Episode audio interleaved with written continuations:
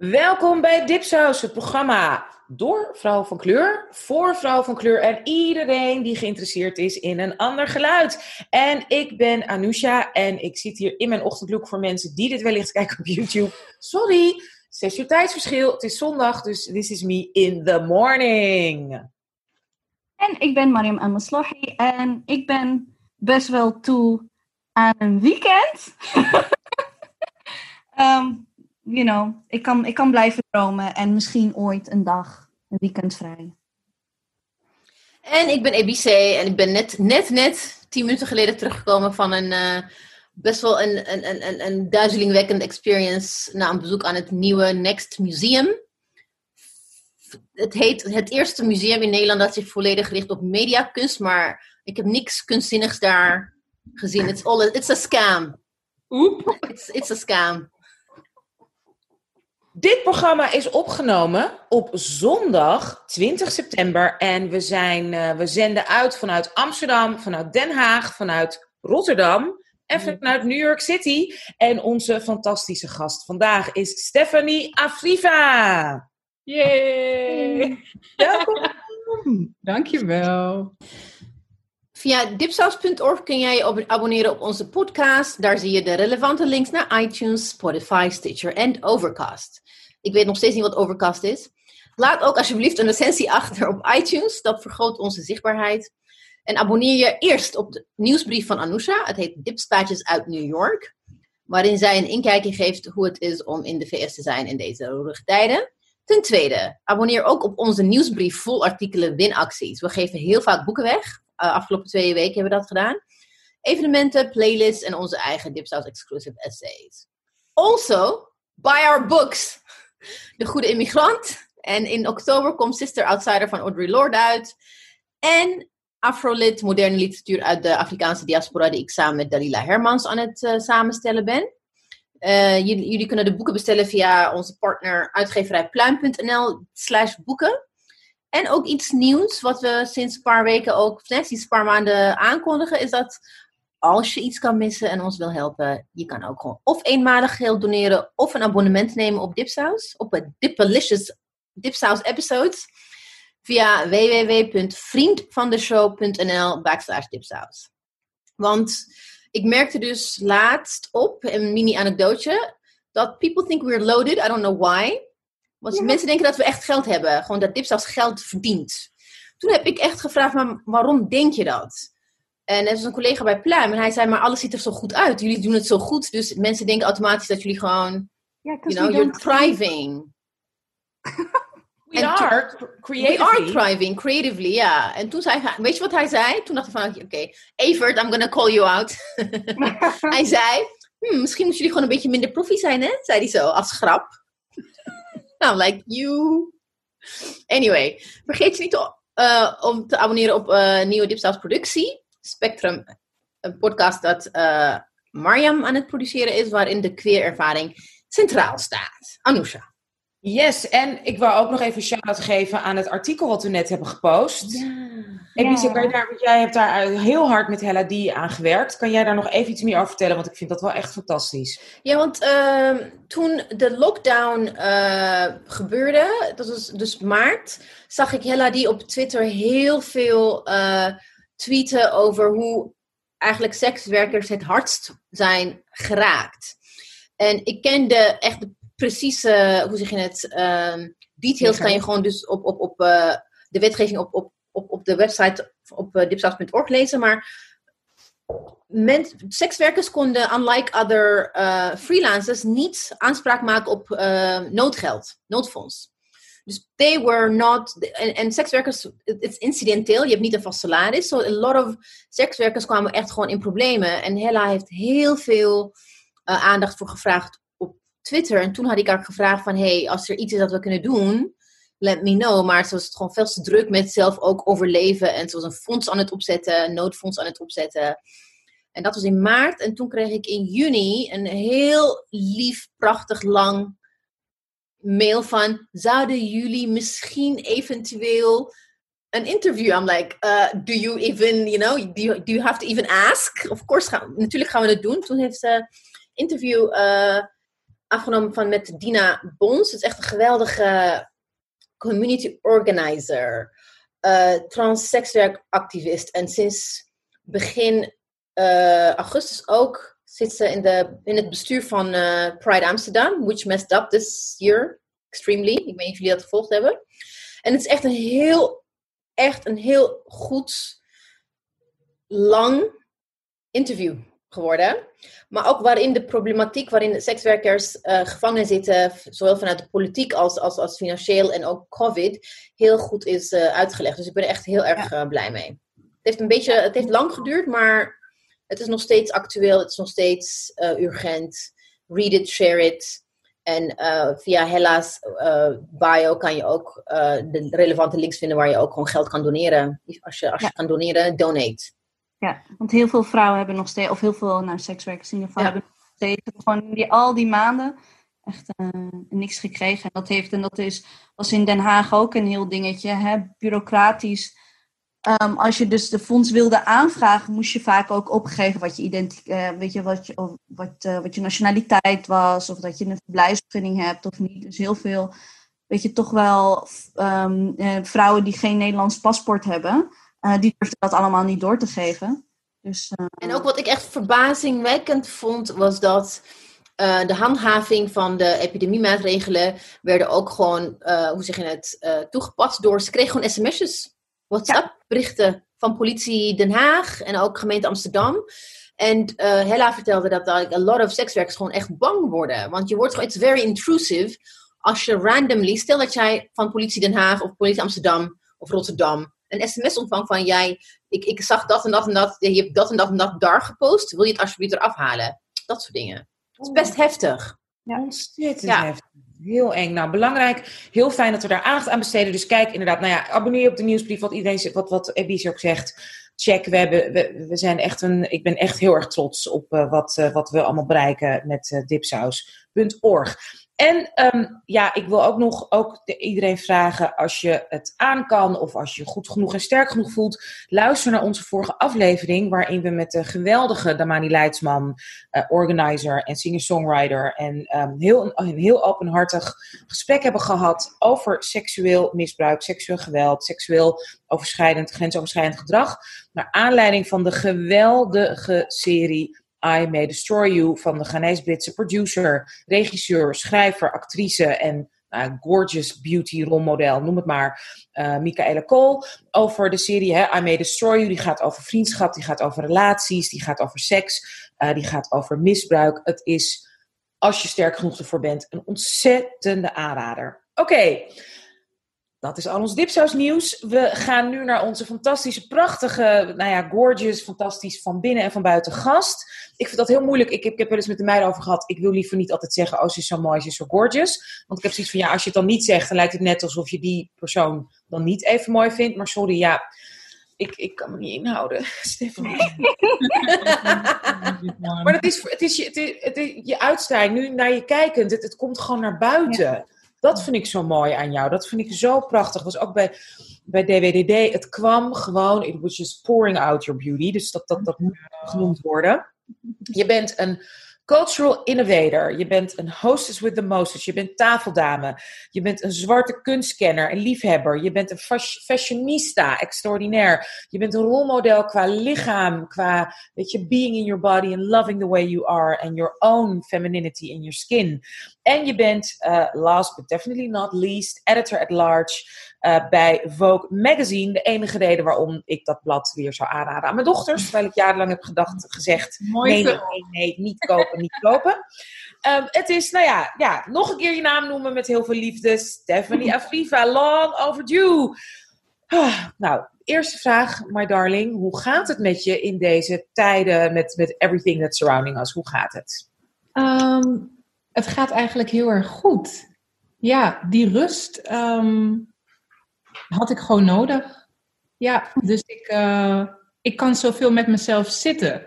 Snap jullie wat ik dan bedoel? Gewoon echt, ik, I'm sitting with myself and it's amazing. Ik kan mijn eigen prioriteiten anders inrichten. En dan moet ik wel zeggen, ik ben single, ik heb geen kinderen, weet je wel. Ik, uh, mensen weten me te vinden voor opdrachten. Dus ik heb altijd wel, zeg maar, het geluk dat ik rond kan komen. Ehm, af en toe wel met angst, weet je wel. Maar al met al, het gaat met mij heel erg goed. Ja, ja, Oh, fijn om te horen. Dat is Heel heel fijn. fijn om te horen. ja. Hoe Ja, gaat maar jullie? good, better, Wel, toch? ja, better. Een beetje rond, eh, beetje rondbanjeren. ja. Ik moet Ja. wel zeggen, het, het goede weer heeft me echt heel erg goed gedaan. Ja, deze Indian Summer is echt... Het is heerlijk. Ja, dus dat ik overdag op mijn balkon kan zitten, want ik heb zes uur 's avonds of zo op mijn balkon. Dat helpt wel echt. Het is Ja. alsof ik dan even een pauze neem van mijn computer, van alles. En dan ga ik gewoon lekker naar mijn, naar mijn balkonnetje met mijn aloe vera en hibiscus en klimops en dat soort dingen. Dan kan ik echt eventjes... Dat helpt. Dat helpt wel. Ik hou mijn hart vast voor als dat volgende week voorbij is. Ja, same. Echt hoor. Oeh. Dat gaat het, is, wordt het slecht weer dan? Regen, regen, regen, Oh regen. my god, oké. Regen, regen, regen. Het wordt herfst. Oké, alright. Voordat we. Oké, we gaan dat even parkeren. Ehm, voordat we beginnen met onze klassieke, you know, we have like the bulk of bees. Ik weet niet of je dat kent. Uh, the burns, the big ups, the binges, the broadcasts, the books. Ja. We vragen al onze gasten eerst: wie ben je? Wat doe je? En waar woont je huis? Wie ik ben? Nou, ik ben Stephanie Afriva. Ehm, mijn huis woont in Rotterdam. En wat ik doe, ik hou ervan om te zeggen dat ik gewoon professioneel mezelf ben. Ik doe zoveel verschillende dingen. Hmm. Ik ben gewoon professioneel mezelf. Whatever I feel like doing, I do it. En jullie- wat doe je nu? Wat doe ik nu? Ja, ben je Nee, met iets ik ben bezig? eh, editor at large natuurlijk, bij Vogue. Dat hebben jullie al benoemd. Eh, daarnaast ben ik zelf bezig met een eigen project, eh, Celestial Space, over eh, safe spaces, waar mensen zich veilig, onveilig voelen. Eh, daarnaast presenteer ik ook nog, ehm, what else? And I sleep a lot. Hmm, dat is goed. En je hebt twee, en je hebt twee katten. Heb je die, die heb je tijdens de corona... Ja, Ja. ja, de quarantaine aangeschaft inderdaad. Ja, Want je dacht, ik wil...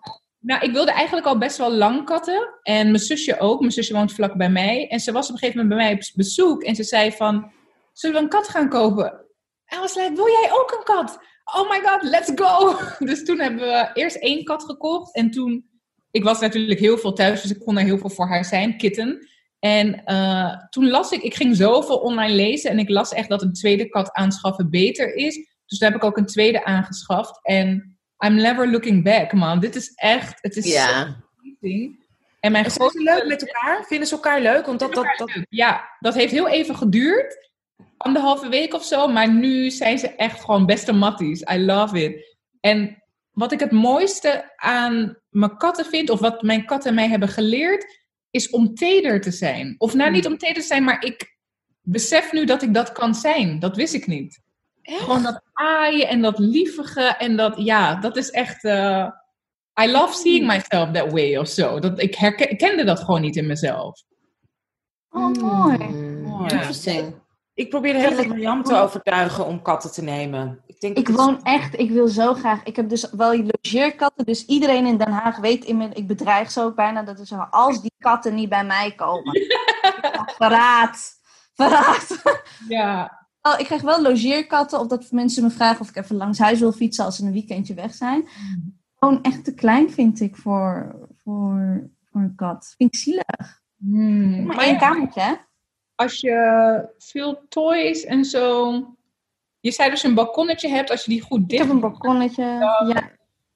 Die twee logeerkatten die ik had, die gingen echt lekker op het balkonnetje in het zonlicht. Katten die passen zich heel erg aan aan space. En dat is het goede. Zeker als je bijvoorbeeld naar een eh, asiel gaat. Dan kan je ook met, mensen, met de mensen die daar werken overleggen. Van een Ja. kat die niet... Weet je, je hebt bijvoorbeeld... Wij hadden een tijdje een kat en dat ging dus niet goed. Die, die, die Mm. trok gewoon ons huis en gezin. Die, dat- die vond het gewoon te veel. Ehm, maar dat was een kat die juist een kleine space... Die, de, die was Mm. naar, is overgeplaatst naar iemand die gewoon alleen woont en een studio heeft. En dat gaat heel erg goed. Die heeft Oh, gewoon dat heel... gewoon naar mij moeten komen. Ja, ja, dat is- Jij moet naar de katten toe en je moet er één kiezen en mee naar huis nemen. Ja, gewoon oogcontact. Maar ik ben zo makkelijk. Ik, nee, de eerste die ik zie zei, ja, Ja, Zo is mijn zusje ook. Het maakt me absoluut niet uit. Ik heb altijd huistuin- en keukenkatten gehad. Ik heb een keer een kat van de straat geplukt in Marokko. Die was heel zielig. Dus als ik die niet zou redden, dan zou dat moest. En die was zo lelijk. Dat was, zo- dat was ontzettend lelijk. Maar toch mee naar huis. En die heeft uiteindelijk zes, eh, zes jaar in Nederland gewoond. Paspoort voor gemaakt. Al mijn neven boos. Ja, kat maken jullie wel paspoort voor ons niet. Ja, echt. Echt, we hebben ze echt It is true, it is true. Iedereen helpt in Nederland als je een kat meeneemt uit waar Ja, als je een dier bent, ja, dan is ieder, gaat iedereen maar een persoon. Nou, Katten uit Griekenland, katten, ik weet niet waar, 600 dollar, euro, bla bla bla, allemaal geregeld en iedereen vindt je Ja. help. Precies. En is je zusje ook blij met de kat, Stephanie? Ja, heel blij. Ja, ja. Ze komt nog net niet bij me wonen. Ja, ja. Nou, heerlijk, heerlijk, heerlijk. Goed, um, alright. Eh, we hebben dus een hele lange hiatus eigenlijk gehad qua, qua onze BBB's. Ehm, zullen we daarmee beginnen? Of zullen we ook eventjes, want volgens mij is een van de B's ook eigenlijk een beetje jouw laatste, ehm, het oktobernummer van Vogue. Ja. Oh, Kan je daar iets over vertellen? Eh, ja, het laatste oktobernummer van Vogue is gemaakt eh, met en door twintig leerlingen van OSB, Open Schoolgemeens, ehm, Schoolgemeenschap Belmer. Ehm, we hebben een oproepje uitgezet. eh, en als ik zeg we, zeg ik, noem ik Vogue, niet ik. We hebben een eh, oproep uitgezet bij OSB. ehm, omdat we leerlingen wilden vragen om mee te werken eh, aan Vogue. Maar kon niet heel de school en wilde ook niet maar één klas kiezen. Dus hebben leerlingen een motiva- motivatiebrief eh, geschreven. En meester Frank, een leraar eh, op die school, heeft toen uit die motivatiebrieven heeft hij twintig leerlingen gekozen eh, die mee mochten helpen met het maken van Vogue. Zij zijn langs geweest op de redactie, hebben eigen pagina's gemaakt. Ik heb een aantal van die leerlingen geïnterviewd. En ze hebben allemaal een fotoshoot gehad met z'n allen, ook solo. En uiteindelijk is er zo een mooie editie uitgekomen. Echt, ja, tranen gewoon. Ik was, ik was week gewoon zo moe. We hadden afgelopen woensdag de lancering. En eh, ja, dit is gewoon letterlijk het magazine wat ik had willen hebben Ja. toen ik jong was. Ja. Letterlijk, Ik ben opgegroeid in Soetermeer, eh, in een hele witte wijk, witte, nou, ja, over het algemeen witte school. En er was al altijd één meisje die dan allemaal meisjes op een rijtje zette en dan vragen ging stellen. En ik kan me heel goed herinneren dat ze een keer vroeg aan iedereen: wat wil jij worden? Wat wil, wat wil jij worden? En toen ik aan de beurt kwam, zei ik model. En haar eerste reactie was: ja, maar dat kan niet met jouw huid en jouw haar. De- voor model moet je er heel anders uitzien. En dit, deze editie van Vogue is voor die Stephanie van toen. Gewoon Het is echt, Mm. ja, beyond words, weet je. Ja, want ik, ik had je ook geappt. eh want een vriendin van mij die ik al eh 25 jaar ken, we waren onderweg naar eh, sporten en zei: Ebice, ja, ze komt zelf ook uit Ghana trouwens. Oh, je-. Ken jij, ken jij Afrifa? Ik ben haar naam, voornaam. Dan ik, ja, Stefan even, ja, die ken ik. Ja. Ja. als je haar kent, je moet echt tegen haar zeggen. It's so great what she did with the... Want ze kent drie van die, alle drie kent ze. Want? Van de cover. ja, van de cover. Want haar dochter heeft op OS OSB gezeten en die is net... Die, die zitten er niet meer op, maar she, she remembers the kids. Ja. Kom ook nog eens naar haar toe van, hey tante Mona, hoe gaat met u en zo. En ze hadden ook tegen haar gezegd, we zijn iets met heel leuks bezig, maar we mogen niks vertellen. Oh, So she had no idea. So het is echt. See, it, it, work, it helps. It's necessary, weet je? Really necessary. Ja. Echt gewoon. Want ook, je ziet nu wel veel meer zwartere modellen, modellen van kleur, maar dit zijn gewoon echte mensen. Weet je wel? En ik heb, ik heb ook tien van ze heb ik geïnterviewd en de verhalen die ze hebben, hun visie op de wereld. ehm, eh, ja, het is, het is prachtig. Soms ook heel zwaar, maar juist daarom, dat willen we horen, weet je wel. Het is gewoon real life. Ja. Ja. En het is ook heel belangrijk, eh, en dat heb ik ooit ergens gelezen, dat je juist deze tijdschrift koopt. Want dat laat dan toch cijfers zien van, oh oké, hier, dan, dan geef je toch een soort van leverage aan. Ja, dat het verkoopt. Nooit meer kunnen zeggen, black people on the cover don't sell. Precies. Ja. Allemaal kopen, kopen, kopen, kopen. ja, en het liefst, want er zijn drie verschillende covers. Het liefst Ja. alle drie. Ja, ja, ja, gewoon alles, gewoon alles. Ja, Kunnen jullie alsjeblieft ook drie voor mij koppen naar me opsturen? Let's go. Ja, Ja, Ja. ook voor mijn dochter. Zo belangrijk. Prachtig. ja. En hoe was het om eraan te werken? Hoe, hoe had je, ging het ook goed? Want ik, neem, is, ik weet niet hoe divers nu de redactie is op de Vogue. Hoe was dat? Hoe ging dat?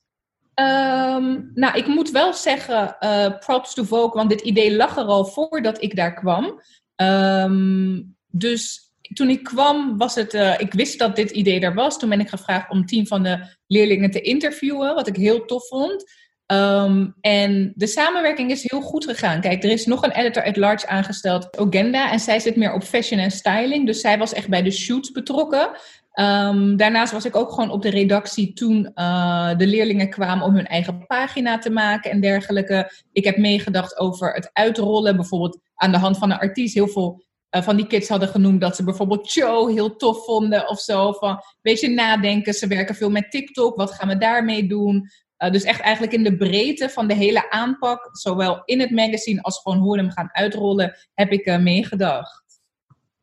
En, hoe, en is dit nu is dit een soort leuk experiment van Vogue? Of is, luidt dit ook, zeg maar, ook echt um, um, structurele verandering in bij Vogue? Gaan ze, stappen ze af van het mega verstikkende ouderwetse model van hoe je als vrouw moet uitzien en gedragen en kleden? Of is, is dat nog, hoe gaat die strijd, zeg maar, of die ontwikkeling? Laten we positief zijn. Nou, de reden dat ik uh, ja heb gezegd, uh, is omdat ik, ja, ik heb heel veel gesprekken gehad met Rinke. Zij is natuurlijk de hoofdredacteur. En ik wilde ook niet een soort van Olivia Pope komen zijn dat ik alles moet redden. Nee, ik wil gewoon mijn eigen creativiteit kunnen uiten. Dus ik heb gewoon heel duidelijk ook aan haar gevraagd van, wat is jouw visie voor het magazine, weet je wel? En zij wil inderdaad ook juist heel erg er naartoe dat uh, alle vrouwen zich erin herkennen. Uh, sowieso is Nederland niet echt een high fashion land, weet je wel. Dus meer persoonlijke verhalen, verhalen van echte mensen, ook op de foto's natuurlijk. Dus uh, daar zijn we wel naartoe aan het gaan. Ja, zeker. En dat, ja, dat. Wat zei je? Nee, ik zeg super. Dus dat is ja. gewoon eigenlijk al onze eerste B. Dus ik zal ook een beetje uitleggen wat onze B's zijn. Dat zijn inderdaad wat Ebisa en Mariam ook al volgens mij allebei al zeiden. Onze ja. books, onze burns, onze uh, onze broadcast. Dus alles wat we, uh, we hebben het geschaard onder bezig, wat we gewoon te gek vinden, wat we willen noemen, ja. waar we een shout-out of een compliment aan willen geven. Ja. En dat is in ieder geval de oktober issue. Allemaal kopen. Als je het kan betalen, koop er gewoon drie. Geef het aan al je dochters, kleindochters, maar ook de boys. Aan iedereen. Maakt niet uit. Lees hem. Ja. En um, ja, we hebben al een tijdje geen base gehad, omdat we heel veel apart, hè, speciale, speciale uitzendingen hadden. Um, dus we gaan nu onze base allemaal geven. En Stephanie, als jij praat mee, bemoei je ermee. En als jij nog een B hebt, ja. een, een, binge, een broadcast, een book of een burn of wat dan ook, uh, ja. bemoei je ermee. Ja. Ebite, ik geef jou het eerste woord. Oké, okay, mijn... Ik had eigenlijk natuurlijk heel veel uh, B's, zoals altijd, maar I'm gonna stick to one. Omdat we echt, denk ik, heel veel te bespreken hebben vandaag. En ik hou het bij the B, voor the Republic of Barbados.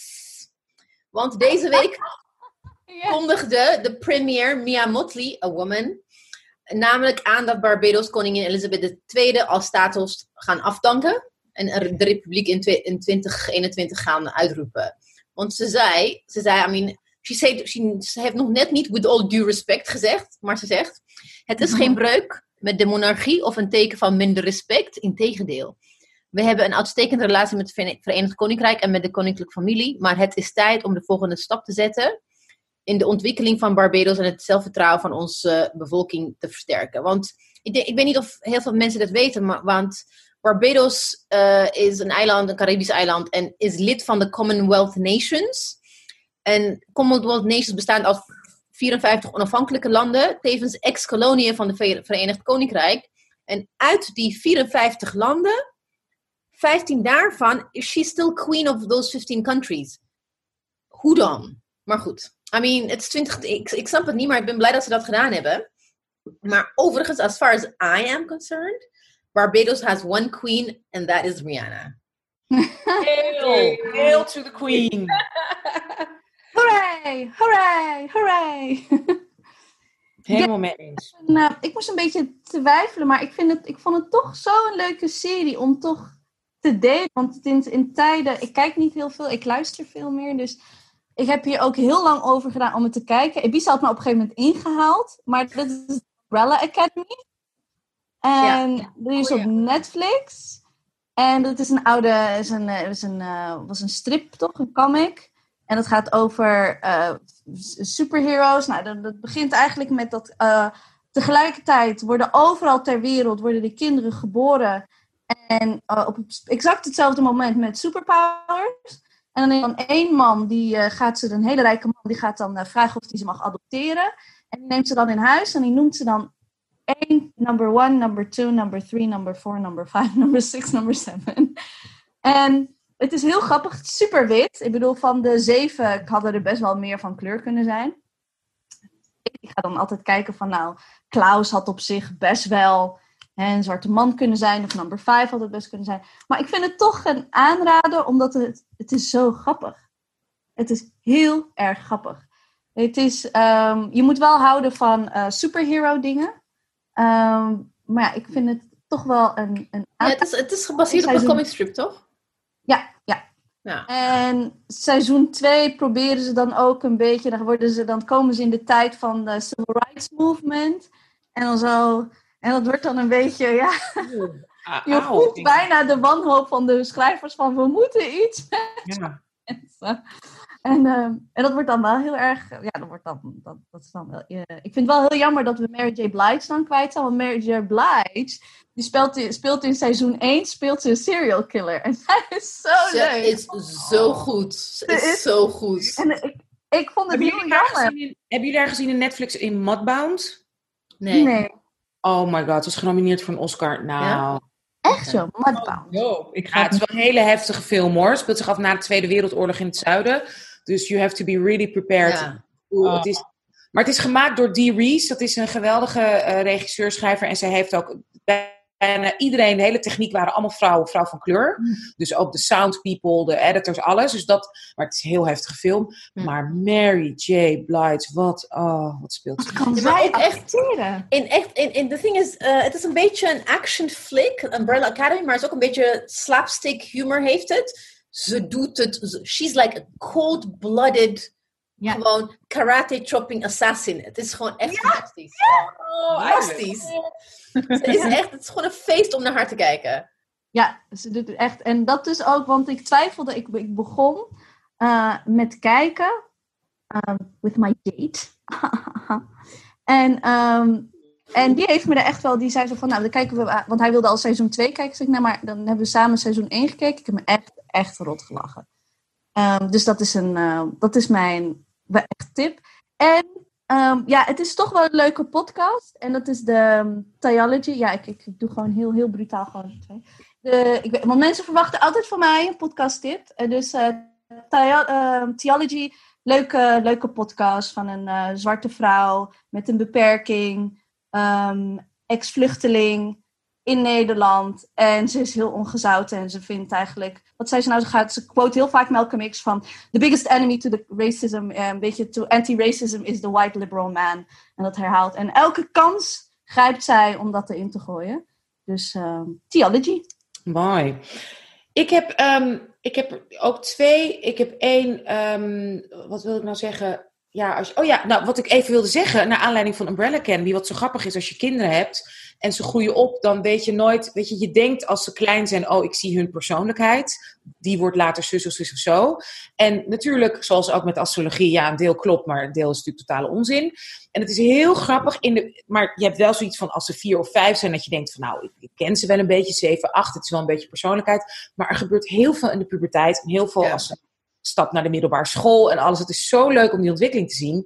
En nou ja, mijn jongste dochter is dus opeens een Marvel nerd geworden. Wat leuk! Ja, ik wist dat jullie, want echt, oh, leuk! Ebisa en Marjam zitten altijd met Sue en ik echt zo, oh, gaap, weet je, ik vind het zo boring. Ik heb er helemaal niet mee. Totaal not interesting for me. Maar mijn jongste, dus nu moet ik gewoon, en plus hij is ook zo heel uh, consequent. Dus ik mag niet zomaar. Ik zei, nou, dan gaan we toch gewoon Avengers kijken. Kan mij het schelen? Nee, nee, nee, nee, nee. We moeten wel eerst de losse, weet ik veel, anthologies van de superheroes. Yes! Begrijpen. En, maar wat ook zo raar is met kinderen, het is ook echt binnen een maand, hè? Vorige maand had ze het daar nog niet over en nu binnen een maand is gewoon alles. I love it. Ja. Dus dat is, nou, dus dat, ja, dus dat vind ik heel erg leuk. Ik, bedoel, ik vind het wel allemaal te wit en, en, zoals, en super seksistisch. En dat zegt Lulu ook, ook de hele tijd mijn oudste dochter. Belachelijk seksistisch.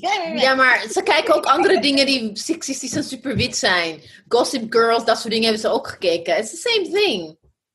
Maar het is nerdy. Het is leuk. Ja, nee. Oké, goed. Ander, ik vind dit echt een podcast waard.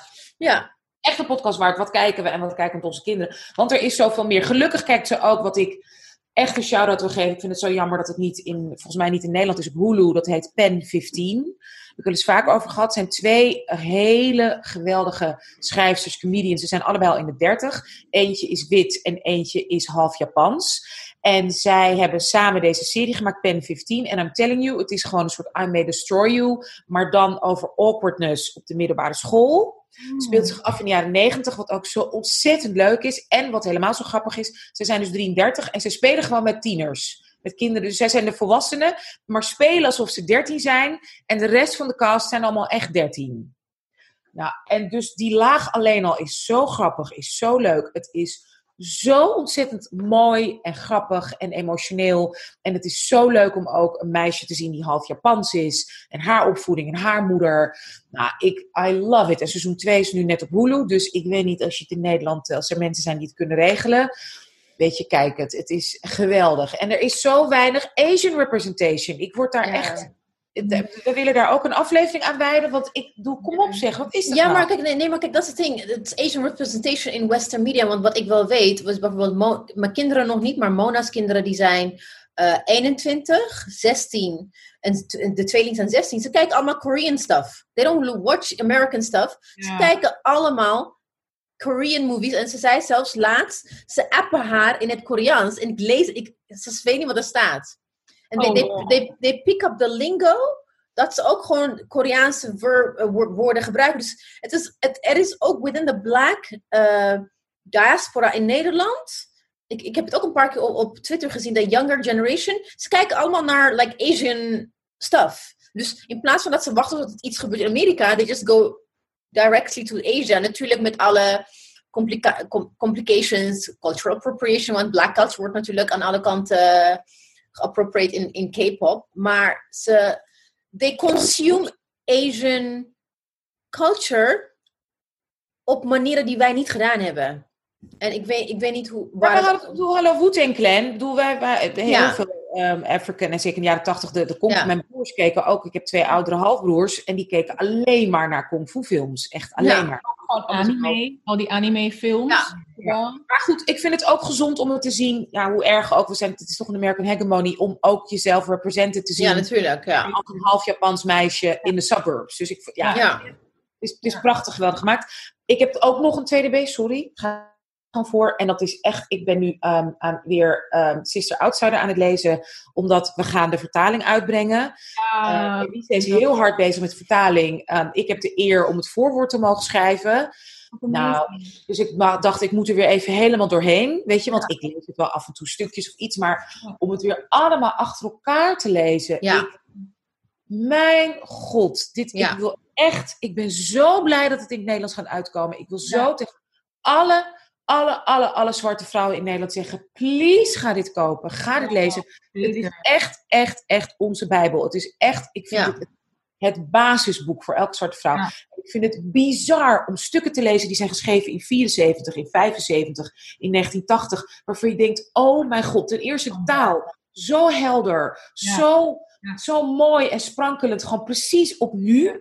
En ook inderdaad de mechanismes en waar we zijn in dit tijdsgevricht. En ook hoe ze over Malcolm X schrijft, hoe ze over, ze heeft, inderdaad, was ik helemaal vergeten, een brief die ze stuurt aan een witte feminist, een, een intellectuele schrijfster. En dat, het is, oh mijn god, ik vind echt hoor, tuurlijk, Chimamanda Ngozi, dat iedereen zegt, iedereen moet het boekje hebben. Maar ik vind, nee, iedereen moet dit boek. Ik ben zo blij dat we het in het Nederlands uitbrengen. Ik ben zo trots dat we dit gaan doen. En ik ben zo vereerd. Ik ga straks eh, aan de slag aan het voorwoord.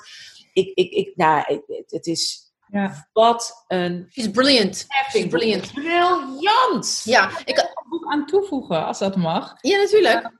In Search of Our Mother's Garden van Alice Walker. Die ben ik dus nu aan het lezen. Ah. En ehm, ik heb het al wel eens gelezen. En dat is met Sister Outsider ook. Die moet ik eigenlijk opnieuw lezen. Je weet toch, dan lees je het, maar je, je, je voelt die context nog niet echt als hoe ik het nu doe, zeg maar. En ik lees het en het gaat natuurlijk eh, over, over womanism. En ehm, zij, hoe zij zwarte vrouwelijke schrijvers beschrijft en dat helemaal in de grotere context plaatst, vind ik ook zo mooi en zo belangrijk. Want het is zo intiem en zo empathisch en zo teder. En zo moeten we als vrouwen naar elkaar kijken. Weet? Dus ik lees het ook echt. En ik denk, het is niet per se dat zij eh, een hele theorie soort van uitschrijft. Maar de manier waarop zij kijkt en dat dan beschrijft, nou, ja, beautiful. Die moeten jullie ook Schrijft zij vertalen. trouwens- Moeten we ook vertalen. Schrijft zij trouwens ook over Audre Lorde? Eh, ik heb, ben er nog niet helemaal doorheen, maar volgens mij niet. Wel heel veel over Zora Neale Hurston. Ja. Over hoe mensen haar echt verkeerd hebben gelezen en dat zij niet de, de praise heeft gekregen die zij verdient. En dat ze ook echt op zoek ging naar haar geboortestad en, en haar begraafplaats en zo. Echt like, wow, it's amazing. Nou ja, het is, het is een, prachtig rijkdom. Dus ik ben heel blij dat we met deze Ja. Ik ben zo ontzettend trots. En ehm, het, ja, het, ik vind het ook ongelooflijk. Ik heb het voor het eerst gelezen als tiener.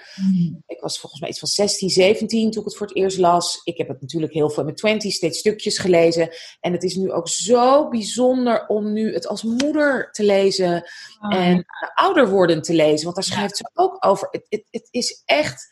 Jeetje Mina, iedereen, ik bedoel, ik vind echt, elke tiener moet dit hebben. En het is een boek wat je je hele leven bij kan dragen en steeds meer uit kan putten. Echt, wauw. Zoals Anousha en Mariam zeiden, Stephanie, je stond je al echt heel lang op onze bucketlist. Zo leuk. But, you know, like, life keeps happening, waardoor het echt te lang op zich heeft laten wachten gewoon. Maar toen ik je stukje las in Vogue van 21 augustus, je had me de link gestuurd. De titel is hoe mijn, female community de steun en veiligheid biedt die ik nodig heb, dacht ik, ik heb het meteen gewoon in de appgroep gegooid van we moeten haar gewoon uitnodigen en we moeten dit gesprek gewoon met elkaar voeren. En uh, dit onderwerp Black Sisterhood en of het gebrek daaraan uh, in de publieke arena houdt ons namelijk echt heel lang bezig.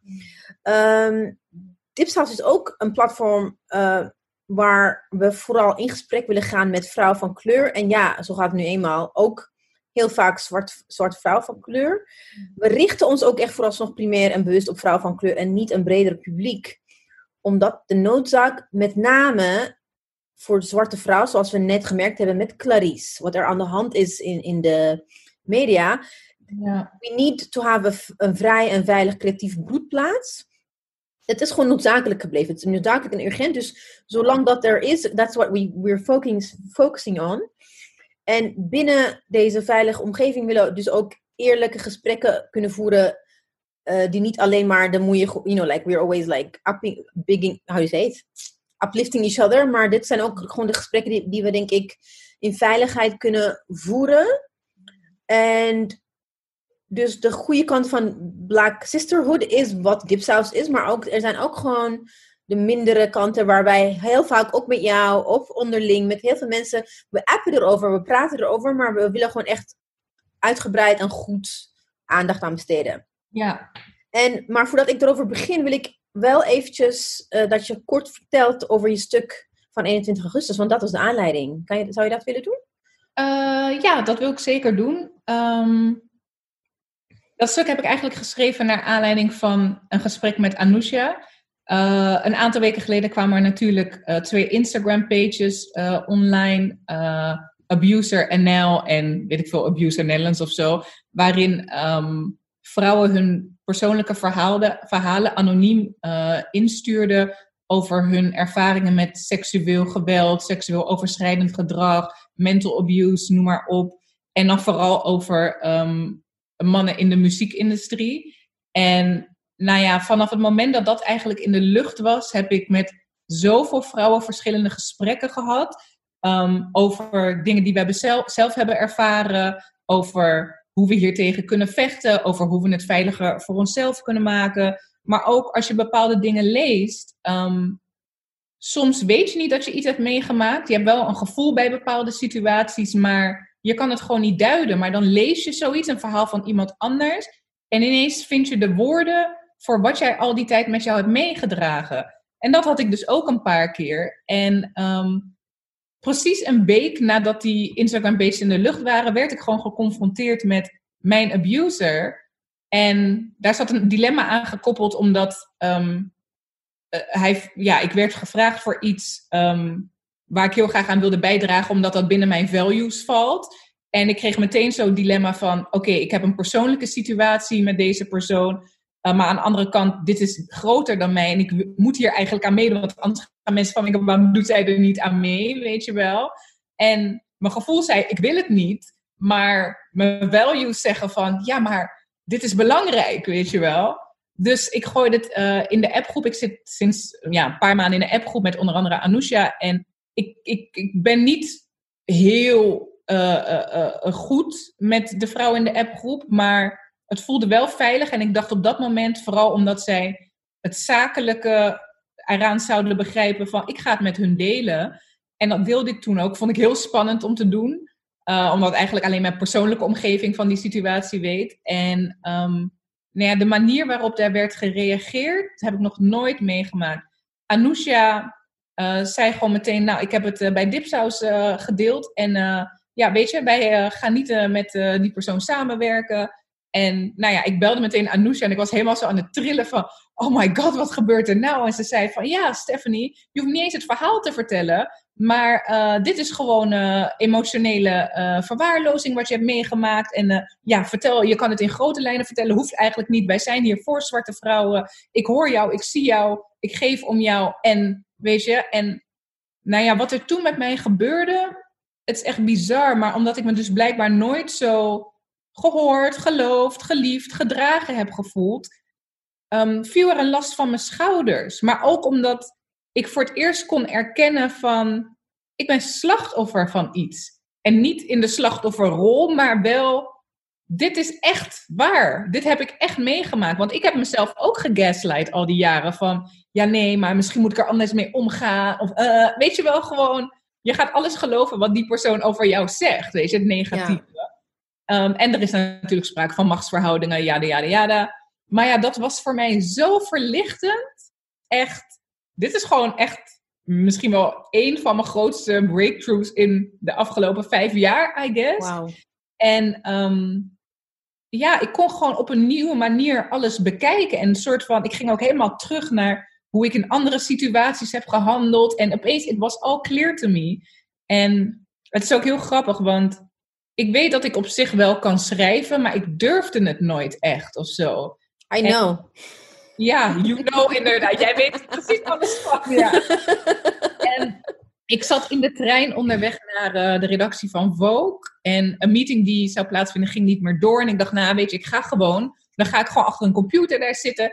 En ik ga gewoon schrijven over dit wat ik heb meegemaakt. Ik ging achter die computer zitten en binnen een uur was dit artikel eruit. Gewoon, het was gewoon voltooid in mijn hoofd. Ik hoefde nergens meer over na te denken. Het, het was afgesloten of zo. En ja, zo, um, daarom heb ik dat geschreven. Ja.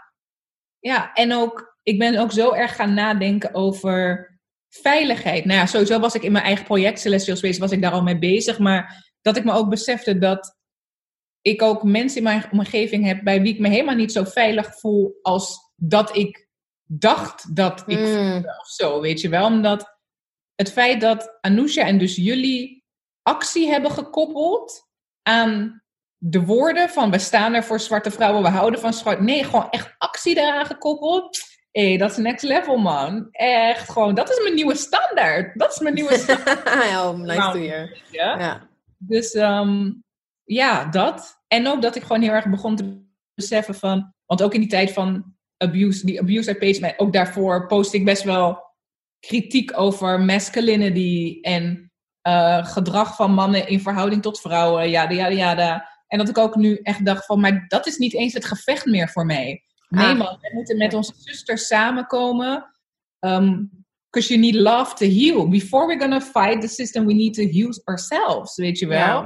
Um, en dat ik ook echt realiseerde van, ja, ik kan mijn energie daar niet in steken als ik naar de andere kant kijk en daar is een groep met vrouwen die ons, die, we hebben elkaar gewoon nodig, weet je wel. Ja. Dus, um... klopt, want het is, because my next question sluit eigenlijk, ik ga, ik ga ook uit Audrey Lorde quoten. Ik wilde ook eigenlijk uh, Audrey Lorde als een B shout-out doen, maar ik dacht nee, ik doe dat gewoon niet. Ja. Um, ik was, omdat ik dus de afgelopen drie, vier dagen ben ik, ik ben er nog steeds mee bezig. Met de vertaling uh, aan het redigeren ben. Mm. Ik kwam deze quote uit, I think it's the third essay tegen, Scratching the Surface. En ze zegt dit. while a piece of each black woman remembers the old ways of another place, when we enjoyed each other in sisterhood of work and play and power, other pieces of us, less functional, eye one another with suspicion. In interests of separation, black women have been taught to view each other as always suspect, heartless competitors for the scarce male. The all important prize that could legitimize our existence. Dat is dus net wat je zei eigenlijk. Maar dan in een Audre Lorde quote. Hmm. En dat dus, we hebben dus geleerd om elkaar als rivalen, als suspects te zien. In dienst van eh, de male. Want mannen zijn scarce, dus we moeten vechten om hun aandacht te krijgen. Weet je wel, dat, dat, is, wat we, dat is wat ze zegt in- een very concise way. mannen, Maar ook het systeem. Ja. Ik bedoel, in het westerse en vooral ook in het Nederlandse systeem is er steeds maar ruimte voor één Precies. van kleur. Eén zwarte vrouw of één, weet je wel. Ehm, dus ja. Ja, want we, we hebben geleerd om, om, om ehm, elkaar, even if we were not necessarily friends of whatever, dat we, we kennen elkaar, maar dat je elkaar openlijk steunt Mhm. zonder daar iets voor terug te verwachten.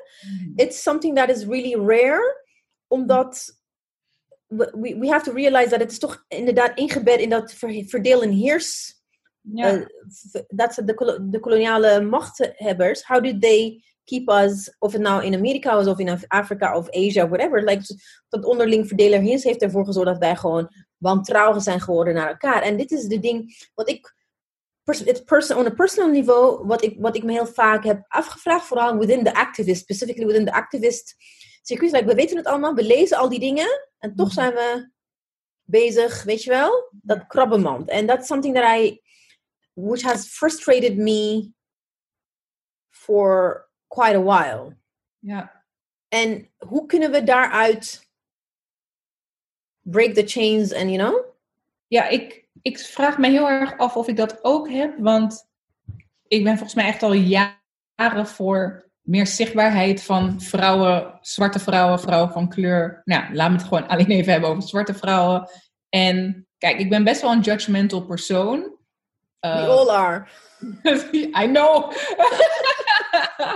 Ehm, een van de manieren om dat te verhelpen is om je eigen persoonlijke gevoelens een beetje aan de kant te zetten en gewoon je te focussen op het hogere doel. En dat is gewoon, there should be space for all of us, weet je wel? Dus als jij een andere vrouw naar voren kan schuiven of whatever, just do it, weet je? Als jij gewoon een, een andere vrouw ziet en ze is goed in wat ze doet, dus just big up her of schuif haar naar voren of whatever you can do, want het, het is gewoon part of a bigger picture, weet je? En soms moet je jezelf ook gewoon even checken. Want ik merk ook dat we heel veel over elkaar zeggen, ja, de toon van die staat me niet aan. Oké, but wat ze zegt klopt toch gewoon. Wat ze zegt, daar ben je het toch mee eens. Dus hoezo ga je vallen over iemands toon? Weet je wel? Jij, ze vecht voor hetzelfde als waar jij voor vecht. Let's go, weet je? Dus ehm, ja, ik denk dat dat een belangrijk ding is die we bij onszelf, eh, waarbij we bij onszelf moeten, te raden moeten gaan van, oké, dus dit supports like ehm, het hogere doel of niet, weet je? En niet geloven in die onzin van inderdaad, er is niet genoeg en krabbenmand en het gaat om die man. Weet je, ik, ik denk dat ik het geluk heb gehad dat ik ben natuurlijk door hele socialistische, slimme vrouwen opgevoed. Mijn oma, de zus van mijn oma en mijn moeder, alle drie hoog opgeleid, werkend, maar ook helaas perfecte huisvrouwen. Want ja, het was natuurlijk ook nog steeds een patriarchaal systeem, ook in communistisch Rusland. Dus je maakte carrière, je verdiende evenveel als de mannen, maar je deed ook alles thuis, weet je wel? Dus dat, dat, dat is echt een nadeel. Dus ik wil het absoluut niet uh, ophemelen, maar het was wel, de vrouw was wel echt de baas, gewoon serieus over het geld. Ook ja. over het geld. Dus niet alleen in huis, maar ook over hoe het geld werd uitgegeven. Dat besliste echt een man absoluut niet. En dus ik ben opgegroeid heel jong al met... natuurlijk gaan wij beslissen en wij het regelen. En zijn wij gewoon de baas, klaar. En zijn mannen gewoon een beetje slap en moet je daar een beetje omheen leven. En um, dat heeft mij in die zin wel geholpen dat ik nooit onder de indruk was van... inderdaad, oh, als ik die man maar kan krijgen. Ja.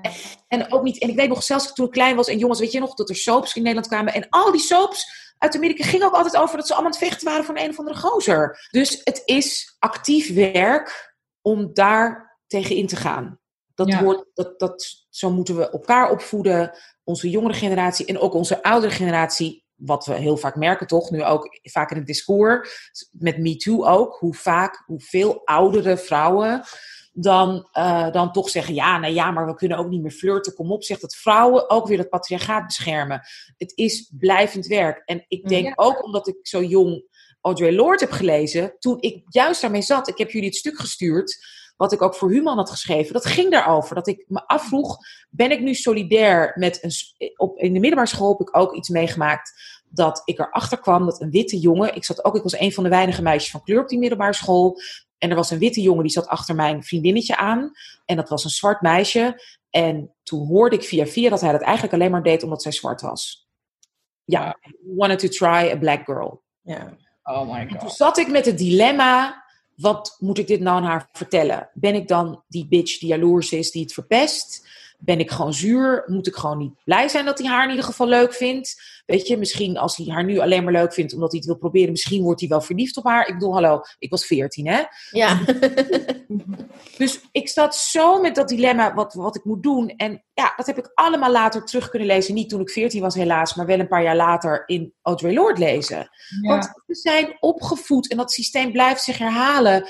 We worden geïndoctrineerd door dat systeem. We internaliseren dat systeem. We geven het door aan onze dochters en onze vriendinnen. Dat systeem. Het is inderdaad, Elise, wat jij zei, altijd maar dat wantrouwen. En het is actief werk om daarmee te stoppen. En ik ben natuurlijk ouder dan jullie.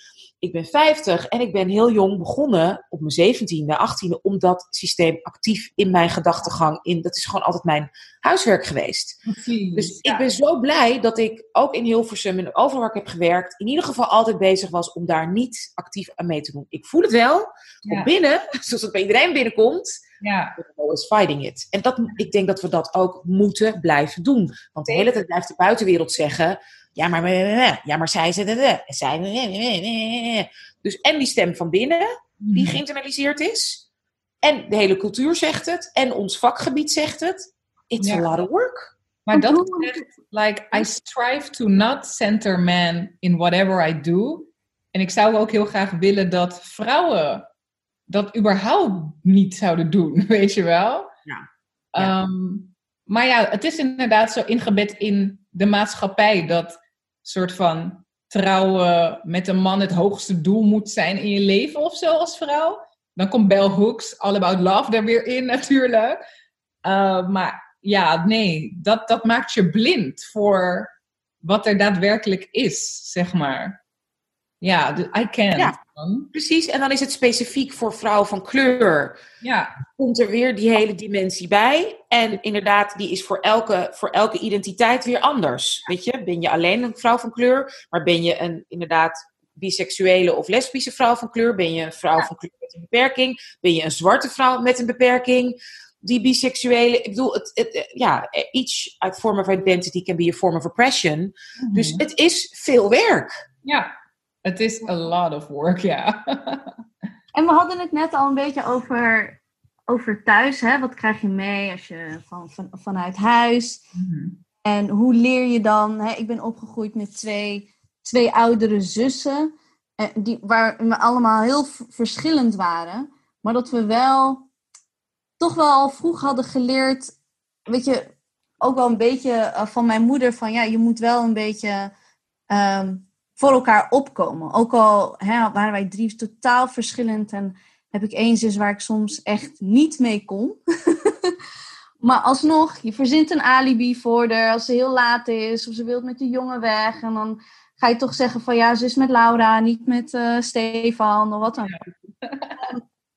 maar uiteindelijk, en is het gewoon ook pijnlijk om erachter ook achter te komen dat het toch wel, in mijn geval bijvoorbeeld, de vrouwelijke Marokkaanse kappers zijn die niet heel erg aardig over mijn haar waren. Of het, eh, toch wel de tantes op feestjes van, oh ben je niet te dun? En dat wij toch wel weet je, wil je niet victim blamen, maar zijn vrouwen toch ook een instrument geworden om dat allemaal te behouden, wat we, ehm, wat we, ehm, wat we net allemaal zeiden. En ik was starstruck toen ik Stephanie voor het eerst ontmoette, toen zij bij de Mayra Louise podcast ehm, ehm, eh, te gast was. En het was dan een, dan had Mayra Louise had een boek geschreven, ehm, op je lijf, lijf geschreven. En dan ging het heel erg over body positivity. En ik weet nog, ik weet niet of je het aan mij merkte, maar ik was zo geraakt door je verhaal. En als je, als je daar gemakkelijk bij voelt en dat wilt delen, uh, wat jouw achtergrond is in, in relatie met, met uh, zwarte vrouwen als het gaat om zussen, moeders, uh, tantes. Want ik kan bij mezelf bedenken van, mm, ja, het doet een beetje pijn, maar mijn moeder was niet de leukste als het ging van, um, weet je, ik was een stuk bruiner kind. Uh, dat best wel dat zij me niet heeft geleerd van en zo ben je en ga lekker zorgeloos in de, in de zon spelen. Nee, het was gewoon heel hard mijn knieën schrobben zodat ze een beetje lichter zouden worden en dat soort dingen. Dat... Mijn moeder heeft dus, heel graag ze het niet wilde, had zij toch dat witte suprematie-idee, had ze toch. En ja, dan, na heel veel therapie kom je erachter, ja, je moeder wil je beschermen en daarom doet ze dat. En, en, en. Um, maar dat laat wel gewoon, dat laat je wel gewoon zien van, oké, ik ben niet gewend. Ik heb heel weinig Marokkaanse vriendinnen. Um, omdat die relaties gewoon altijd, omdat ik toch wel een beetje achterdocht, toch wel denk van ja, before you know it, stellen ze me toch wel teleur. Ja, ja, ja, ja. Dus moet ik nu mijn verhaal vertellen? Als je, alleen... alleen als je het wilt, je mag ook voor ja, mij... Nee, zeker, ja. Nee, dus uh, ik denk dat je het hebt over het gedeelte van mijn verhaal van uh, mijn moeder. Die is met de Noorderzon vertrokken toen ik 16 was, volgens mij. Um, maar inderdaad, wat jij al zegt, uh, colorism, dat zit diep, diep, diep, diep, diep in mijn familie. mijn vader is Ghanese en mijn moeder is Surinaams. Hindoestaans Surinaams, maar er zit obviously ook Creools bloed. Alleen dat wordt niet echt geaccepteerd. En het feit dat mijn moeder dus met een zwarte, echt een Afrikaanse man ging, dat was voor haar ouders echt niet oké. Okay. Dus die hebben haar uit huis. In Zoetermeer, in, in Zoetermeer ook nog. Zoetermeer, ja, in Zoetermeer inderdaad. Uh, die hebben haar uit huis gekikt zodat ze met mijn vader kon gaan samenwonen. Um, dus ik denk dat dat heel veel pijn bij mijn moeder heeft achtergelaten. Um, en nou ja, wat ik al zei, mijn moeder is dus vertrokken toen ik 16 was. Uh, heeft mij, mijn zusje en mijn vader in de steek gelaten. En um, dat heeft eigenlijk bij mij, kijk, ik, ik weet gewoon, en dat is niet echt bevestigd of zo, maar ik en mijn familie, we weten gewoon dat zij heel veel mental issues heeft. Um, en heel, toen ik jong was eigenlijk, kijk, het voelt voor mij alsof ik zonder moeder ben opgegroeid, want voordat ze wegging, ja, hoe moet ik dat zeggen? Dadelijk gaat ze luisteren en dan krijg ik ineens een mail of zo. maar ja, ze was niet. Ik heb niet veel van haar geleerd over vrouwelijkheid of over uh, uh, uh, hoe je je verhoudt tot mannen of überhaupt een romantische relaties. Gewoon niks van dat. Niet eens per se koken of de was doen of zo. Gewoon letterlijk niks. En een groot deel van mijn Mag ik dan vragen hoe functioneerde ze? Werkte ze of hoe was het, was het achteraf gezien misschien depressief? Of hoe kan je daar... Denk ik dat wel, maar ze zat uh, al die tijd in uh, de WHO, zeg je dat? Hmm. Ja, WHO. Uh, ze had dus allerlei reuma, SLE, heel veel medicijnen, maar eigenlijk till this day weten we gewoon niet of dat echt waar was, weet je wel? Um, maar een groot deel van mijn tienerjaren had ik moeite met het feit dat ik vrouw was. Want ik kreeg en dat beeld in de maatschappij dat vrouwen irrationeel zijn en uh, dat ze te veel emotioneel zijn en zomaar gek kunnen worden. Omdat ik dat heb gezien, mm. dacht ik dat, was ik alleen maar bang om ook zo te worden. Dus ik, ging, ik was niet in touch met mijn emoties en ik wilde het liefst met guys omgaan en ik, ik keek echt naar hun op hoe rationeel zij waren, huh, weet je wel. Um, en juist doordat ik meer in mijn emotie ben gaan staan, ben ik veel bewuster gaan worden van mijn vrouwelijkheid. En ook gewoon alle emoties, soort van die hele emotionele intelligentie, die, um, de weerbaarheid, de flexibility of being a woman. En ben ik gaan zien wat ik nodig heb en had. En daardoor ben ik nu zo ook op van, nou man, I support women, because we are the world, weet je wel. En we hebben zoveel nodig wat ons niet wordt gegeven, wat we nergens kunnen vinden. Um, dus ik denk juist doordat ik het verkeerde voorbeeld heb gehad, dat ik totaal het tegenovergestelde ben geworden. En dat heeft wel echt te maken met mijn persoonlijke groei, doordat ik wel naar die pijn toe ben gegaan, weet je wel. En hoe was jouw vader in, voor jullie, voor twee meisjes, uh, wie, bij wie de moeder er niet is? En zelfs, is... Mijn vader is echt, uh, echt, ja, amazing. Dus daarom, ik voel me ook altijd heel erg aangevallen als iemand zegt dat ik mannen haat of zo. Want dat is niet zo, want mijn vader is the most amazing man in the world. Hij is juist het, het voorbeeld van hoe een man kan zijn, weet je. In touch met zijn emoties ja, ja ik, ik weet niet eens hoe ik in woorden kan uitleggen hoe amazing hij is. Gewoon op alle vlakken. Maar uh, een, een, man, een vader kan ook niet alles, weet je wel. Er moet gewoon een bepaalde balans zijn, weet je. Maar aan hem ligt het niet. Het ligt meer gewoon aan het feit van... Uh, een man heeft ook een hele andere geschiedenis, een hele andere rol die de maatschappij op hem projecteert, weet je wel. Maar hij is er altijd voor ons... Uh, ja, van de meest random voorbeelden dat hij gewoon maandverband voor ons ging. Weet je wel, gewoon echt the realest dad, weet je. Aan mij vragen van, wanneer kom je nou met een man thuis? Welk vader vraagt dat aan de dochter? Die wil dat toch niet? Nee, maar gewoon echt, uh, nee, mijn vader is wel echt amazing. Maar echt wat vrouwelijkheid, mijn vrouwelijkheid, dat heb ik gewoon zelf echt moeten ontdekken. Ja, want uh, ik, ik was even op voorbereiding uh, op, op dit um, gesprek heb ik. Ken, je Therapy for Black Girls, de podcast? Ja. Uh, een van hun, I think aflevering 28 hebben ze, hebben ze het hier over, maar meer from a professional point of view.